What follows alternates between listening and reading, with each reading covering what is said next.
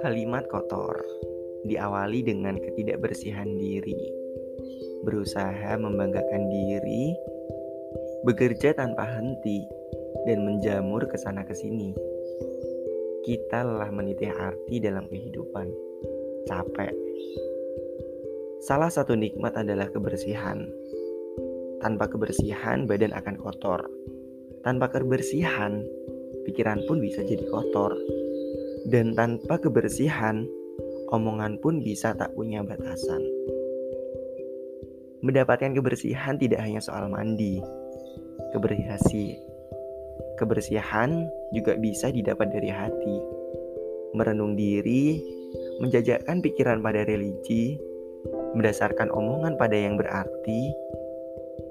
Lalu, pertanyaannya, berapa banyak dari kita yang mengaku menjadi seorang yang bersih, lalu mengklaim sebagai muslim yang sejati, mengaku paling benar sendiri, mengakui semua orang salah kecuali diri, merasa bangga kepada yang tak bisa dibanggakan, emang dasar manusia tak tahu diri.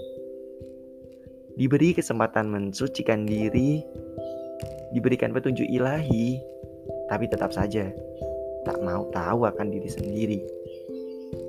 Kawan, cobalah kita pikirkan berapa banyak kesempatan yang datang untuk membersihkan diri.